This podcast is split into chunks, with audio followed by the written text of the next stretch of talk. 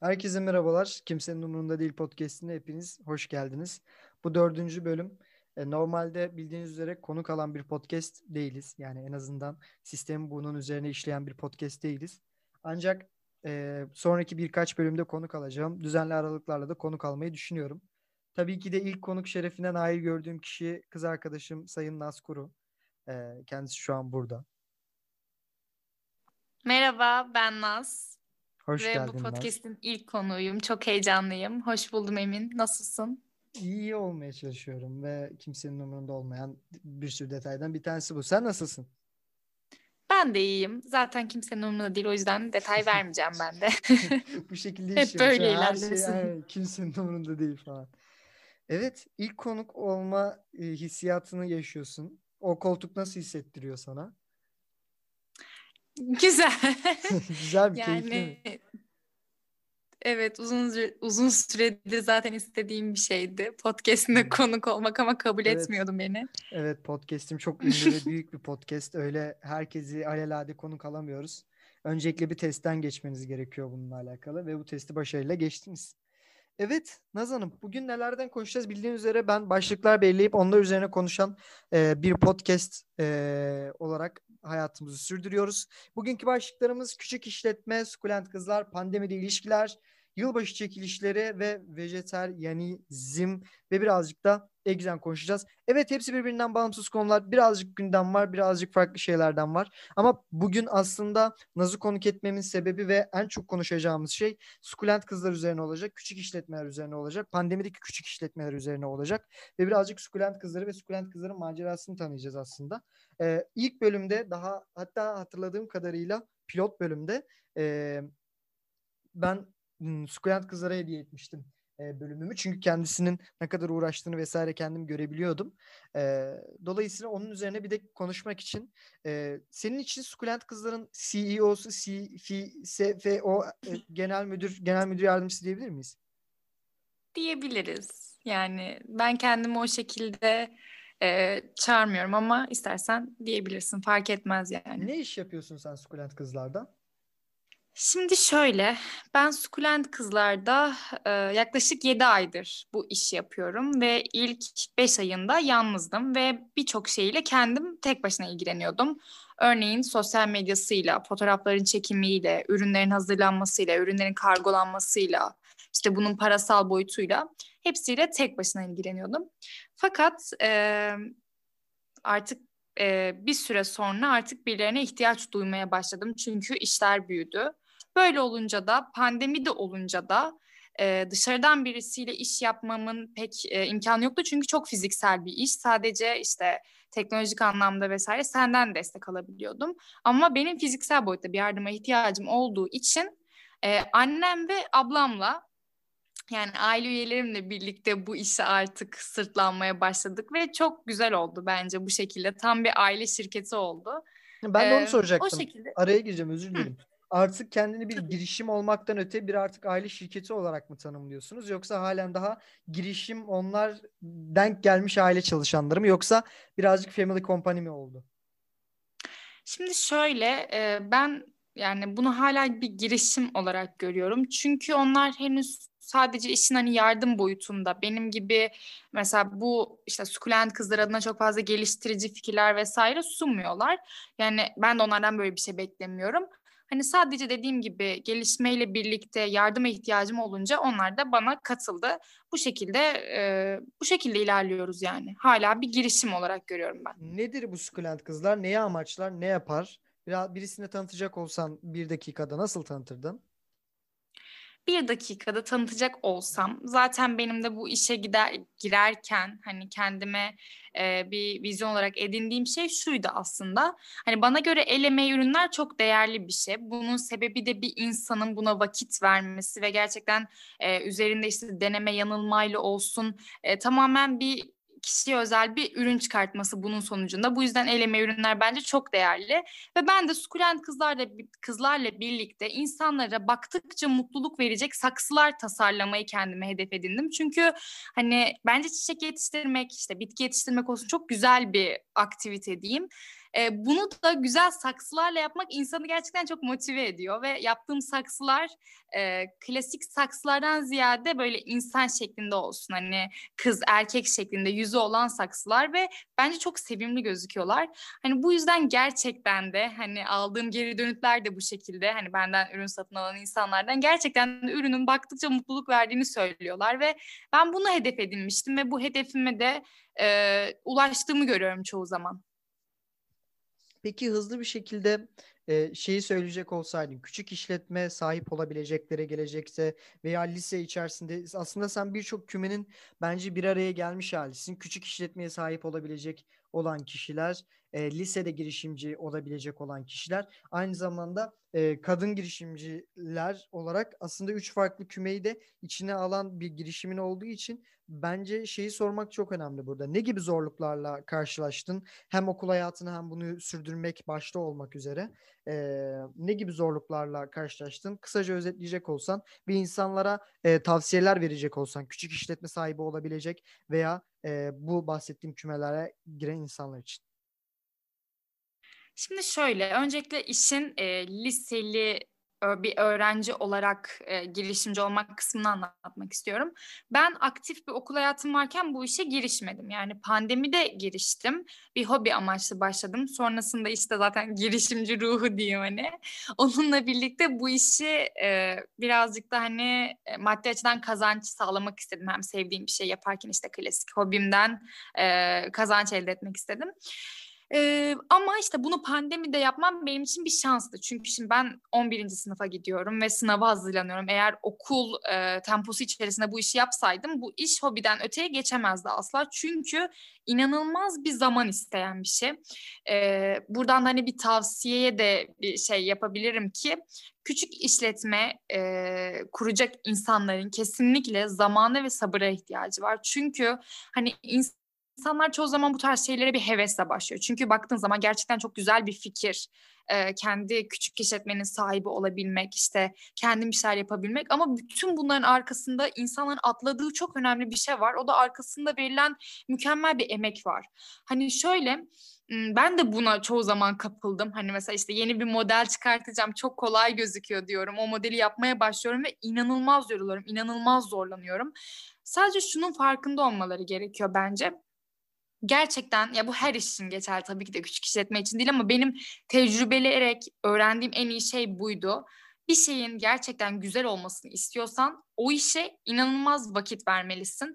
Ee, mesela ben bunu saksılarda çok fazla gördüm. Hani böyle ilk başta yaptığım saksıların mükemmel olmasını istiyordum ama gerçekten ağız burnu yamuk şeyler çıkıyordu ortaya ve e, böyle bir şey vardı. Her neyse lise boyutuna gelirsem derslerim olmadığı için şanslıydım. Bu yüzden e, gerçekten tüm zamanım ama gerçekten tüm zamanımı buna veriyordum. Hani onunla kalkıyordum, onunla yatıyordum. İlk 2-3 ay böyle oldu bu. E, sonrasında bakalım bir öğrenci olarak ne tavsiye verebilirim? Şöyle, e, bir öğrenci olarak bunu yaptığınız zaman bu size çok güzel bir kazanç sağlıyor. Ve bu şekilde olduğunuzda maddi açıdan bir bakıma ayaklarınızın üzerinde durabiliyorsunuz. Mesela bunun bir motivasyon olarak alabilirsiniz kendinize. Evet, evet. Bence en önemli ee, şeylerden bir tanesi bu bu arada yani. Evet evet kesinlikle Ekonomik bu. özgürlük bence 16-17 yaşlarında kazanılması gereken en önemli özellik, en önemli şey olduğuna inanıyorum ben. Ya bence de ya gerçekten çok güzel bir şey. Hem işte ailenizin size olan bakışını, hem insanların size olan bakışını, hem kendinize olan bakışınızın değiştiği bir şey. Hani bir şeyi ailenize sormadan yani ailenize e, sormadan derken yani ailenizden para istemeden alabilme özgürlüğü bence çok güzel bir şey. E, bir işte öğrenci olarak böyle bir küçük işletme kurmanın bir diğer zor yanı da küçük olmanız. Hani küçüksünüz ve bu işlerde birçok şey için büyük olmanız gerekiyor. Çok temel. Aynen 18 yaşında mesela şöyle söyleyeyim size. E, ben Shopier üzerinden satış yapan birisiyim ama Shopier'a üye olamıyorum yasal olarak ve ablamın üzerine kayıtlı hesap. Hani bu sadece çok küçük bir örnek. Mesela bir şey yapmak istiyorum. Örneğin işte e, vergi muafiyet belgesi denilen bir şey var. Hani bunu çok uç bir örnek alabilirsiniz. Tabii ki de direkt karşınıza çıkacak bir zorluk değil ama benim şu an bunu almam gerekiyor işin içim için ama alamıyorum. Ya da işte kargo konusunda olsun, e, her konuda işte yaşınızın küçük olduğu için piyasada olsun, her şekilde bir tık geri de durabiliyorsunuz. Ama zaten böyle bir işe kalkıştıysanız muhtemelen olgun bir insansınızdır. Yani böyle e, birçok şeyi halledebileceğinizi düşünüyorum bu yaş konusunda. Hani küçük olmanız bir tık bir sorun olabiliyor ama onu da atlatabiliyorsunuz eğer ailenizin desteği varsa ki aile desteği inanılmaz önemli bir şey. Ee, onun haricinde küçükseniz, lisedeyseniz ne gibi zorluklarla karşılaşabilirsiniz? Hani belki şu olabilir, e, çok fazla hani te- hayat tecrübeniz falan yoktur. Bu yüzden belki birazcık bunu nasıl ifade edebilirim? Hmm, yani çalıştığınız insanlar büyük insanlar olduğu için kendinizi çok e, belki şey hissetmeyebilirsiniz hani. Çekingen hissedebilirler biraz. Ya çekingenlik evet çekingenlik bu aslında karşılıklı bir şey. Mesela ben küçük olduğumu çoğu zaman belirtmiyorum. Hani evet. çoğu benden çoğu şey yapan insanlar beni çok büyük sanıyor. Bunun böyle olmasını sağlıyorum. Çünkü aksi takdirde gerçekten bakış açısı değişiyor. Oysa ki bu bakış açısını etkilememesi gereken bir şey. Yani liseliyseniz sanırım söyleyeceğim şeyler bunlar. Hani ailenizin desteğini mutlaka almaya çalışın. Çünkü çok önemli. Ee, örneğin pandemi süresinde tüm kargolarımı babam götürdü. Çünkü dışarıya çıkamıyorum. Bakın yasak oluyordu. 18 yaşında altında olduğum için siparişi götüremiyordum. Babam falan götürüyordu. Öyle. Onun haricinde ee, başka başlıklar neydi şu an unuttum. Bence biraz şey e, finansal yönetim konusunda e, sıkıntı yaşayabilirler diye düşünüyorum ben. E, yani evet. Finansal yönetim çünkü daha önce hayatında yüksek paralar yönetmemişsin, yönetmemişsin ya da paraları nereye kanalize edeceğini bir iş içerisinde nelere e, koyman gerektiğini bilmiyorsundur belki. Bence burada genel manada her kümeyi kapsayan tavsiyelerden bir tanesi. Bence burada olabildiğince danışarak işleri yapmak. Hani fikirlerine güvendiğiniz insanlara danışarak e, bu aileniz olabilir, abileri, abiniz olabilir, ne bileyim mahallenizden biri olabilir. Bu konuyla alakalı ya da internetten tanıştığınız biri olabilir. Bu konuyla alakalı vereceği tavsiyenin değerli olduğuna inandığınız kişilerden fikir almak önemli. Yapamazsın diyenleri dinlememek zaten böyle bir işe kalkışmış bir insanın e, bilmesi zaten hali hazırda bileceği noktalardan bir tanesidir diye düşünüyorum. Ee, Naz Hanım söyleyecek başka bir şeyiniz yoksa bu konuyla alakalı farklı başlıklara doğru yönelmeyi düşünüyorum. Aslında var. Çok küçük bir şey ekleyeceğim. Hı hı. Ee, çok güzel bir noktaya değindim bence. Hani bu ne de olsa kendi adıma konuşursam hiç alakamın olmadığı bir işti. Ve ben bunu örneğin aileme sorarak öğrenemezdim. Ve ben bunu gerçekten işte sosyal medyada e, bu işi yapan her sayfaya teker teker yazarak işte gruplara girerek, Facebook gruplarına kendimi zorla sokturarak çünkü yaş sınırı falan oluyordu bazılarında işte 45 yaş üstü falan. Böyle kendimi gerçekten zorla oralara sokturarak, sızarak içlerine falan korkunç. O şekilde bu işi öğrenmeye çalıştım. Hatta benim bir tane WhatsApp grubum var falan böyle emekli kadınlar evet, e, bu işte uğraşıyor. Ben var. Aynen aynen yaşlı yaşlı teyzelerin arasındayım. Ama öğreniyorum işte çünkü onlar tecrübeli ve tecrübelerinden tecrübelerinden faydalanıyorum. Çok çok çok çok ufak bir şey daha ekleyeceğim ki o da finans konusunda. Ee, şöyle parayı yönetmemek güzel bir nokta. Onunla birlikte bu işe başlarken çok büyük paranız olmayacak büyük ihtimalle. Yine burada da tabii ki de bir birikimle ya da işte aile desteğiyle falan bu işe başlayabilirsiniz. Peki böyle bir evet. işi ben saksı yapmak istiyorum Naz Hanım saksı yapmam için e, sizin para kazandığınız bu yerden benim de para kazanmam için yapmam gereken temel başlıklar nelerdir? Yani ne yani bir kişi ben mesela saksı yapmaya başlamak istiyorum. Bu konuyla alakalı ne söylemek istiyorsunuz? Saksı özelinde söylemeyeyim. Çünkü saksı çok özel bir alan. Hani ben çevremdekileri saksı yapıyorum dediğimde ne, ne saksısı falan oluyorlardı. Hani bu sizin kolye olabilir. Sizin yaptığınız gibi özel özel tasarım saksı yapmak istiyorum ben. Anladım. Özel tasarım bir saksı yapmak istiyorsanız e, yani şunu mu demek istiyorsun? Bu işten gerçekten para kazanmak için, iyi bir yere Mesela, gelmem için şöyle başlayalım. Şöyle başlayalım. Kaç lirayla başlayabiliriz böyle bir işe? Ha. Saksı ya, ya şimdi şey saksı özelinde konuşacağım ama saksı özelinde konuşursam kimseye faydam olmayacakmış gibi hissediyorum. Çünkü dediğim gibi çok küçük Hayır. bir alan ya. ya. Bence bence o yüzden... şeyde, aslında bence niş bir alan olması bu podcast'i dinleyecek iki buçuk kişiden yarımı falan şey diye düşünürse ben para kazanmak istiyorum ve nereden para kazanabilirim? Senin de profesyonel olduğun saksı özelinde konuşmanı istiyorum aslında. Anladım. Peki şöyle saksı özelinde ben bu işe direkt para olarak mı söyleyeyim? Aynen ya kaç lirayla başlayabilirim? Ya şöyle söyleyeyim ben bu işe çok çok çok küçük bir bütçeyle başladım. Hani e, işte 50 TL falan yani o kadar küçük bir bütçeyle başladım. Çünkü e, en temel örneğin işte üç tane boyaya mı ihtiyacım vardı? iki tane aldım ve ikisini karıştırarak yaptım. Hani böyle her şeyi nasıl en minimum e, yani çok şey harcamaya getir. başlanabilir ve yapılabilir yani bu iş o zaman. Evet evet. Hani gerçekten yapılabilir. Amaç ya benim hedeflediğim şey şuydu. Zaten öyle oldu. Hani kazandıkça daha iyisini almak. Çünkü en başta böyle bir şey yatırım yaptığınızda hani çok ilerisini göremediğiniz için e, sonrasında çok iyi sonuçlar olmayabilir ama belirli bir seviyeye geldikten sonra zaten rahatça yatırım yapabiliyorsunuz. Hani ilk başta aldığım kalıp ne kadar ucuzsa en son aldığım kalıp da hani duyduğunda insanların çok şaşırdığı bir fiyatta ama hani bunu almak zorundaydım gelişmek için gibi. Hani böyle geliştikçe gerçekten her şeyin kalitesi artıyor. Anladım. Yani çok ucuz çok ucuz bütçelerle başlanıp yapılabilecek yapılabilecek şeylerden bir tanesi bu. Evet, evet. Ee, yani bu işin nasıl yapıldığını öğrenmek için detaylı ilgilenenler e, senin Instagram hesabına hem Sukulent Kızlara hem de et Zoe Cipriano'ya e, mesaj atabilirler değil mi? Ben bu işe başlamak istiyorum. Ya, ne yapabilirim? Bu kalıpların Evet evet tabii ki de atabilirler. Nasıl dökü, döküyoruz, nasıl çıkartıyoruz, nasıl boyuyoruz? E, bu süreçte yardımcı ya, olacak. Temelinde şöyle ufakça bir anlatırsam gerçekten çok ufakça. Kullandığım silikon kalıplar var. Bunların içerisine bir harç döküyorum. Taş tozuyla yapılan, suyla karıştırılan bir harç. Al, alçı gibi düşünebilirsiniz ama asla değil. Ee, sonrasında bunu kurutuyorum.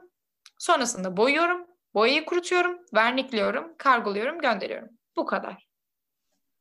Çok küçük anlattım. Tabii ki de bu kadar değil. evet evet yani bu daha detaylı bir süreç. Dediğim gibi ilgilenenler olursa sukulent kızlardan yazabilir. Ee, biraz daha şeye yönelmek istiyorum. Bu işin pazarlama kısmına. Aslında sukulent kızların pazarlama konusunda bir başarısı var.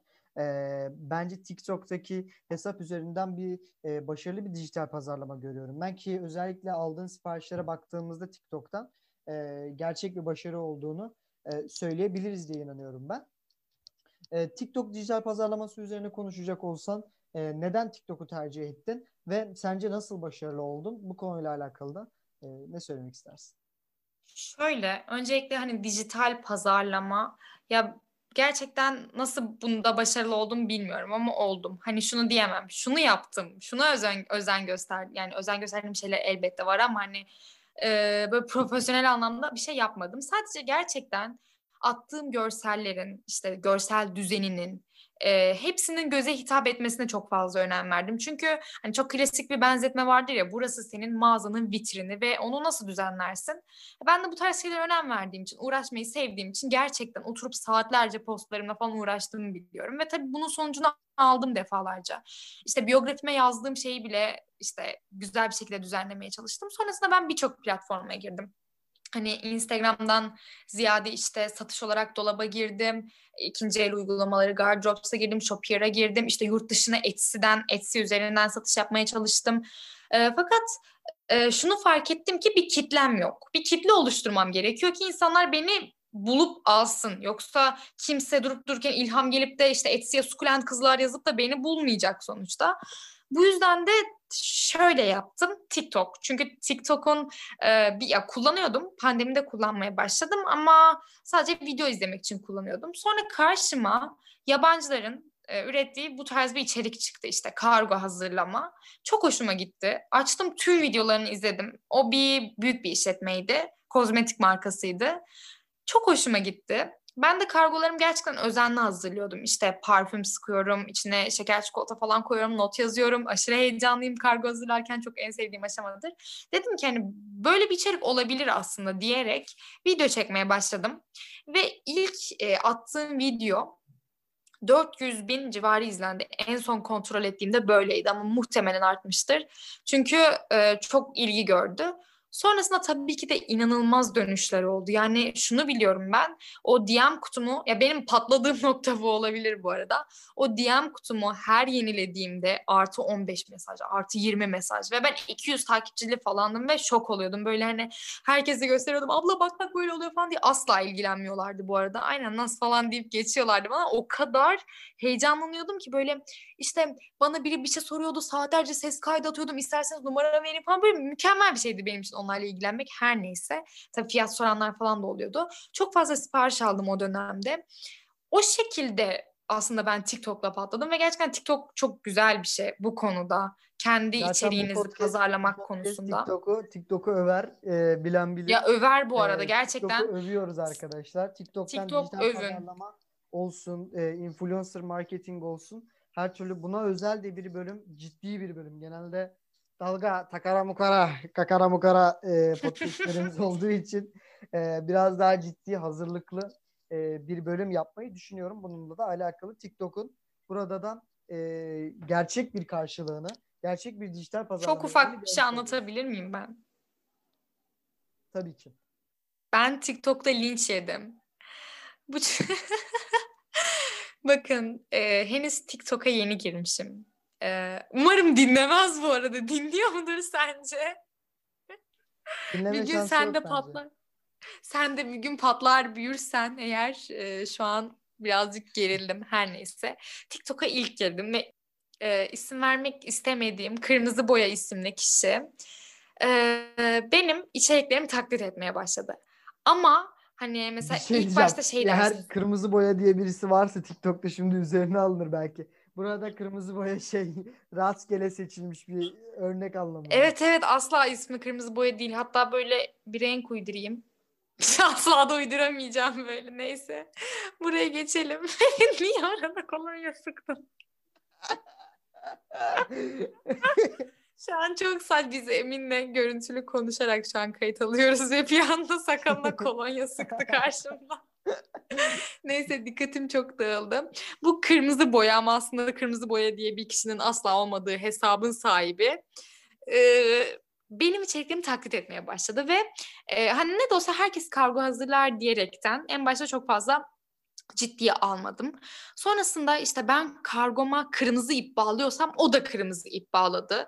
İşte ben parfüm sıktıysam aynı marka parfümü o da sıkmaya başladı ve bu bahsettiğim kişi gerçekten benden çok çok çok daha büyük bir kitleye sahip. Hani yaklaşık hatırlamıyorum şu an ama 140 bin takipçisi falan var. Videoları milyonlar falan izleniyor ama beni bulmuş taklit edecek. Neyse içeriğimin güzel olduğunu burada e, söyleyeceğim. Her neyse içeriklerimi taklit etmeye başladı ve sonra bir gün bir video yayınladı. Arkadaşlar şu hesap benim videolarımı takip e, taklit ediyor diye ve benim hesabım. Arkadaşlar şok oldum ve asla kendimi açıklayamıyorum çünkü 3000 takipçisi olan ezik bir TikToker'ım tamam mı ve e, Peki onun kitlesi üzerine umurunda değil takipçisi olan 3,5 kişiyi yönlendirmemiz yok mu linç için? Var gerçekten var ama ben böyle kendimi anlatmaya falan çalışıyorum. Takipçileri bana yazmaya başladı. Emek hırsızlığı nasıl yaparsın, nasıl taklit edersin? Ben de böyle hepsine cevap veriyorum. Arkadaşlar lütfen yüklenme tarihine bakın. Ben daha önce yükledim lütfen falan filan ama asla anlamıyorlar. Çünkü takipçi kitlesi çocuktu. Neyse sonra olayı tatlıya bağladık, çözdük ama bu da Tik- TikTok'tan linç yedim emek hırsızı diye ve asıl emek veren bendim gibi bir durum. Bunu da paylaşmak istedim sevgili e, iki buçuk takipçinin. takipçisi. Evet, iki buçuk takipçi. O buçuk çıkıp İki buçuk arada. ama gerçekten. Aynen. Evet evet yani o buçuk arada girip çıkıyor. Ee, bu arada şeye bakayım mesela hani anladım. Gerçekten iki buçuk mu diye soranlar olursa gerçekten podcast dinlemiyor. Yakın arkadaşlarım da dinlemiyor. Olsun. Evet. Ee, Naz Hanım artık birazcık küçük işletme şeyini kapatıyorum. Podcast'in de yavaş yavaş sonuna doğru ilerlerken bu yılbaşı çekilişlerine e, abartmıyorum. Bir adet belki yılbaşı çekilişine katıldınız. Bir tanesi bile çıktı mı? Nedir bu yılbaşı çekilişi Çıkmadı. ediyorum. Allah rızası için bana anlatır mısınız? Hep Çok yaralıyım. Arkadaşlar bakın. Ben e, Emin'i e, yani bir gerçekten 60-70 çekiliş etiketlemişimdir herhalde. Yani bin tane değil de. Ve hiçbiri çıkmadı ya. Ben gerçekten çok üzgünüm. Geçen sene katıldıklarımdan bir plak kazandım. Bir de masa örtüsü kazandım. Asla işime yaramıyorlar ama o kazanma hissi çok güzel bir şey. Ee, yılbaşı çekilişleri mükemmel bir şey ama arkadaşlar bu yılbaşı çekilişlerin arkasında neler neler dönüyor. Şimdi bunları burada bir konuşurduk ama tabii ben şimdi bu biraz e, Burada influencer camiasının Yılbaşı, yılbaşı çekilişi e, lobisi diye bir şey var mıdır Naz Hanım? Buna var. Bakın net var. Ve Lobisi. bu yılbaşı çekilişleri arkadaşlar Şimdi ben influencerlarla da çalıştım. Bakın Screen kızlar birkaç blogger'a da ürün gönderiyor falan böyle. Neyse Ama bu yılbaşı çekilişleri mesela işte böyle büyük büyük çekilişler oluyor. işte telefon çekilişte iPhone bilmem bilmem kaç X bin falan böyle saçma saçma telefon çekilişleri oluyor ya. Bunların arkasında şöyle bir şey var. Influencerlarla ortaklık yapıyorlar işte. Ayıcık influencer ile çekiliş sayfası e, bir ortaklaşa çekiliş düzenliyorlar ve bu influencer ayıcık kızımızdan manyak paralar istiyorlar sırf bu çekiliş için. Çünkü hani insanlar yılbaşında manyak gibi zaten çekilişlere katıldığı için takipçi geleceği kesin falan. Hani inanılmaz bir para dönüyor. Ben bu işi birazcık biliyorum ama şimdi burada açmayalım. Çok konumuz değil. Yılbaşı ama bunu söylemek karşımıza istedim. almayalım. Burada kimsenin umurunda değil Almayalım. olarak Hiç almayalım. karşımıza almayalım. Yılbaşı çekilişi lobisini tehlikeli olabilir e, diye düşünüyorum. Ama deli Naz bir deli deli. Bak gün günde milyarlar kazanıyor bu lobi bu çekiliş şeyinden. Evet, evet. Peki şey doğru mu? Çekilişleri kendilerine çıkarttıkları, sahtekarlık Aha, yaptıkları doğru doğru mu? doğru. Bu da doğru. Şöyle şey var. Mesela işte 1 milyon takipçili bir işte atıyorum çekiliş sitesi var. Ya çekiliş sitelerinin mantığı şu. e, ürün alıyorlar. Sizle birlikte ortak çekiliş yapıyorlar. Sizden para alıyorlar ve size takipçi veriyorlar. Ürünü falan güya onlar hep gönderiyorlar. Hani gönderen de vardır bilmiyorum ama şöyle bir sayfaları var işte çekiliş.com ulaşanlar diye bir Instagram sayfaları var, sayfaları var. Giriyorum oraya ve işte ulaşan tüm sayfaların ya işte ne bileyim 3 tane takipçisi var ya profil resmi yok ya biosunda bir şey yazmıyor. Çok fake hesaplar. Kendilerini çıkartmıyorlarsa bile gerçek gibi gözükmeye çalışan fake hesapları çıkartıyorlar. Ne yazık ki çok kötü bir şey. Madem o kadar para alıyorsun Allah aşkına lütfen ver yani karşındaki kişiye hediyesini. Çok ayıp bir şey bu. Neyse artık alacağımız kadar aldık karşımıza. Yılbaşı evet, yılbaşı lobisini de kınadığımıza göre Naz Hanım karşımıza da aldık. Ee, umarız ki Sinirliyim. buradan bir sıkıntı olmaz. Ee, evet Naz Hanım, bugünkü podcast'in son konusu. Ee, biz sizinle yaklaşık bir ay önce et tüketmemeye bundan sonra karar verdik.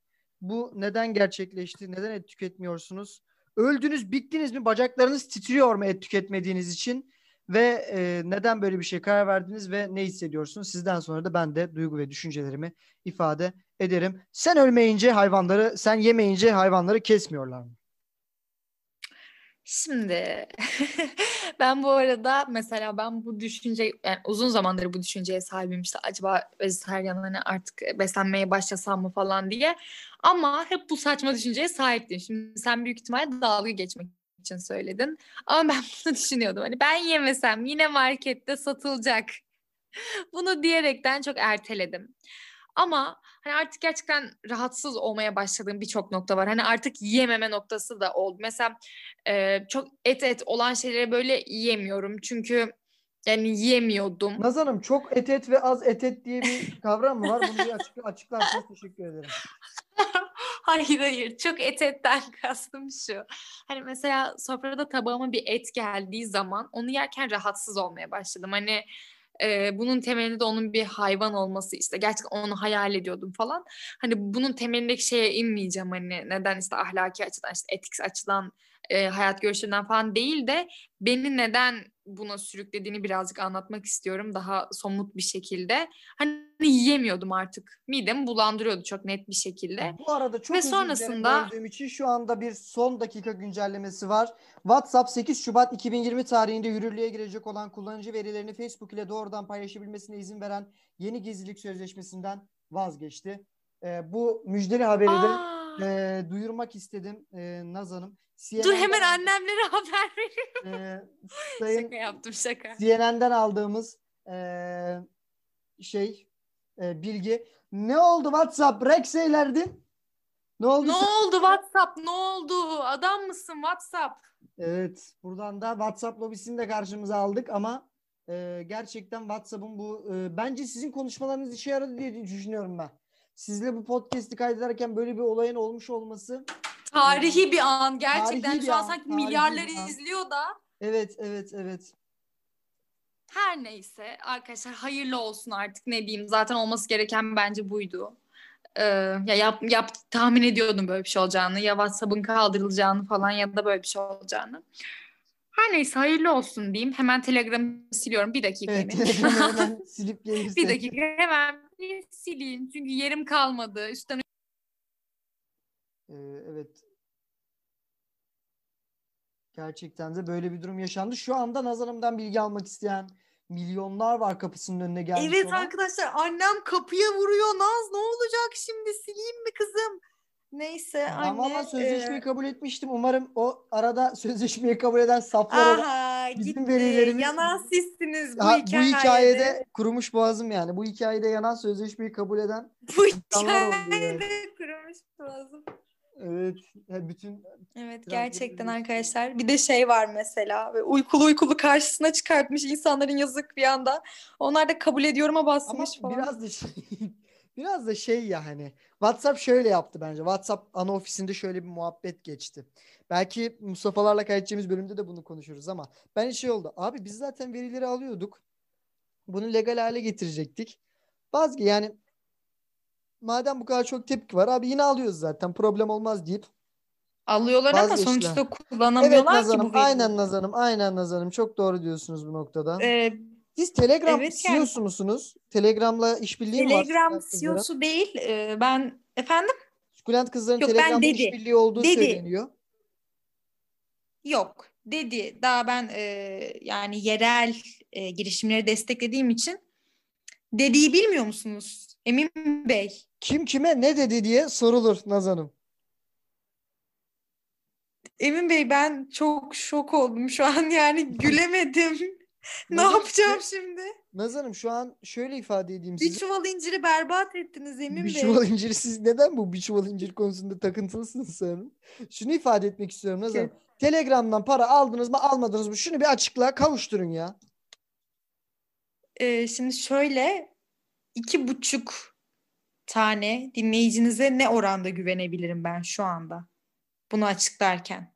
Biz kimsenin umurunda değil e, dinlenirken biz bir sözleşme alt metin olarak e, sözleşme imzalatıyoruz. Hani ha, dinleme bastığınız an aslında sözleşmeyi kabul etmiş oluyorsunuz. Biraz da toplum sözleşmesi gibi düşünebilirsiniz.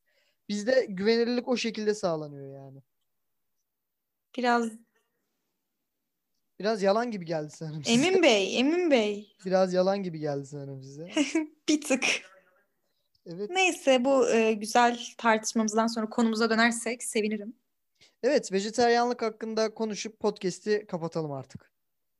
Tamam kapatalım. Yani şöyle e, vejetaryen olmamın yani şu gibi algılanmasın hani işte yiyemiyordum, midem bulanıyordu falan değil. Onun arkasında yatan tabii ki de hani bir canlıyı yememe isteği yatıyordu benim için.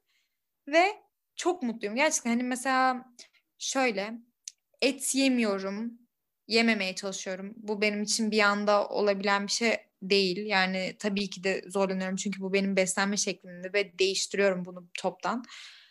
Ee, ama güzel gidiyor. Yani kendim için iyi bir şey yaptığımı hissediyorum ve bu his de bence çok güzel. Ee, sağlık konusunda da e, ekstra bir dikkat etmeye çalışıyorum. Çünkü işte belirli değerleri falan belki şu an daha az al- alıyor olabilirim. Bunu dengelemek adına ekstra bir çaba gösteriyorum. Ama gerçekten çok güzel. Herhangi bir e, diz titremesi, işte B12'de kayıplık, Unutuyor efendime musunuz söyleyeyim, göz körlüğü falan. Göz körlüğü.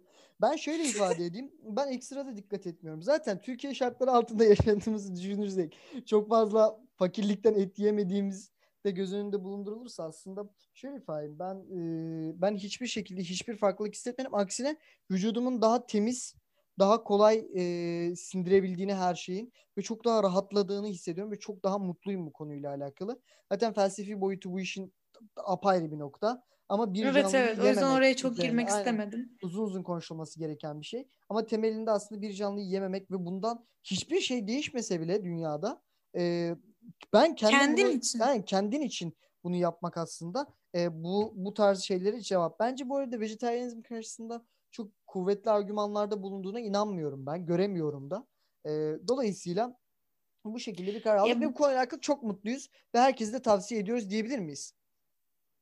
Yani diyemeyiz. Çünkü Neden? hani Tavsiye- herkese tavsiye herkesin yapabileceği bir şey Neden Mi? olmasın canım? Neden olmasın? Herkesin Ama- yapabileceği bir şey tabii ki de. Her, Hayır herkese tavsiye edersen ama herkes hani bunun dini bir boyutu da var ya. Ha evet doğru. Herkese tavsiye ediyoruz. Yo yani dini bir boyutu et yememek et yemek diye bir emiri yok. hiçbir- Kurban bayramı Orada yemek zorunda değilsin. ama kesiyorsun. Biraz zarar veriyorsun. Kesip çöpe Biraz- mi atacaksın? Biraz problematik. Yani dağıtılabilir. Emin şu an utandı iki buçuk takipçinden az önce kurduğum mantık yüzünden. Ama Of. Ya tamam Ya herkes olabilir olabilir, Mutluyuz işte ya. yani. Uzatmayın ya işte. Aynen istiyorsanız yiyin istemiyorsanız yemeyin be. Uzatmayın be. Evet Naz Hanım. Bizimleydiniz bugün. vegan, vegan ne? Vejan mı? Ve, ve, Vejan. ve, ne deniyor vejetaryen insanlara? Vejan. Vegan bence çok mantıklı. Veganistlere Vejet- veganist. Veganist. Vejeteryancı.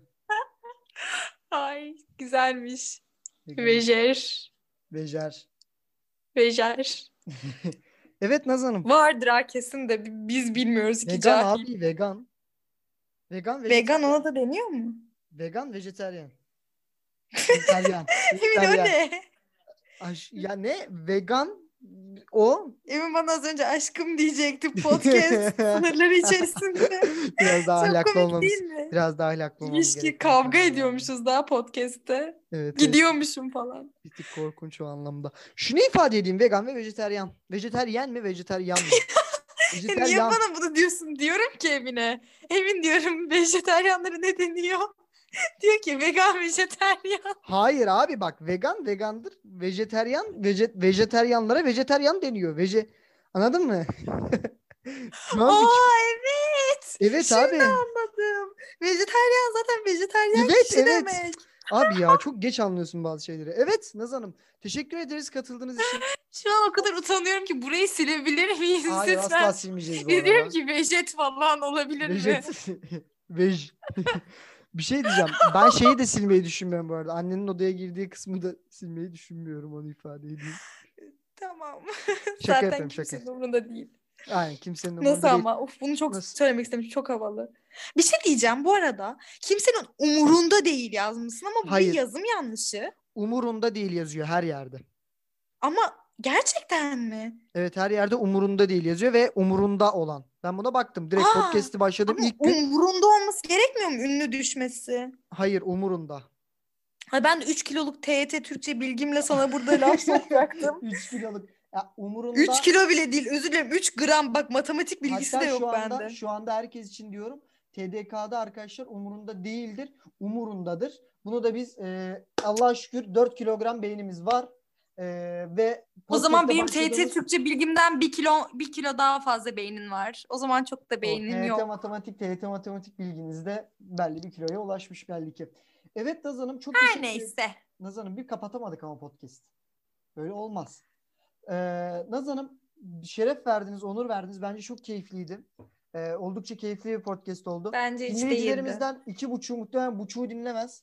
İkisi dinlerse o ikisi bize geri dönüş yaparsa Naz Hanım'la yapmış olduğumuz bölümü beğendiler mi?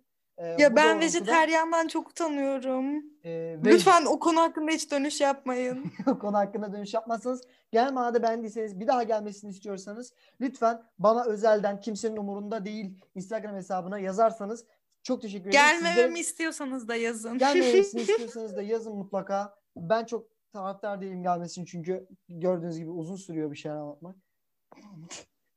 şaka yapıyorum şaka. Şaka yaptım. Şu an trip atıyorum arkadaşlar. Şu an göremiyorsunuz ama bir dakika bana lütfen. bas- Müsaadenizle bir iki saniye yapan trip atacağım.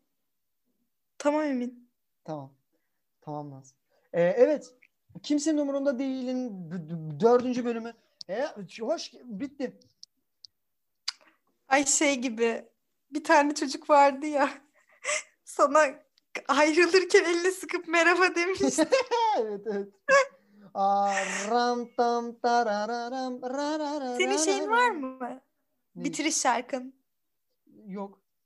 Tintin Tinimine Hanım olsun mu? Hayır ya olmasın ya. Tin tin tinimine olsun harika. olsun. Hadi söyleyelim. Tamam hadi bakalım. Tin. Tin tin tinimine hanım Hanım, tin tin, tin tin, tin tin, tin tin, tinimine hanım hanım seni seviyor canım seni. Ye ye ye. Görüşmek üzere. Kendinize iyi bakın. Naz Hanım, Podcast'ine bir hanım dokunuştu. Hanım dokunuşu oldu cidden. Tin tin tinimine hanım. Görüşmek üzere Naz Hanım. Çok teşekkür ederim benimle birlikte olduğunuz için. Unutmayın ki. Görüşürüz. Naz Hanım unutmayın ki. Kimsenin umurunda değilsiniz. Teşekkürler. Tonlaması yanlış Rica ama ederim olsun. canım. Olsun. Tonlamasının yanlış olması da Tonamasının yanlış olması da kimsenin umurunda değil. Oha o zaman tamam. Tamam. Hadi görüşürüz. Tin. Görüşürüz diye mi kapatılıyor? evet evet görüşmek üzere. Hadi görüşürüz. Tin. Tin. Tini mini Tin tin hanım, tin tin tin. tin tin.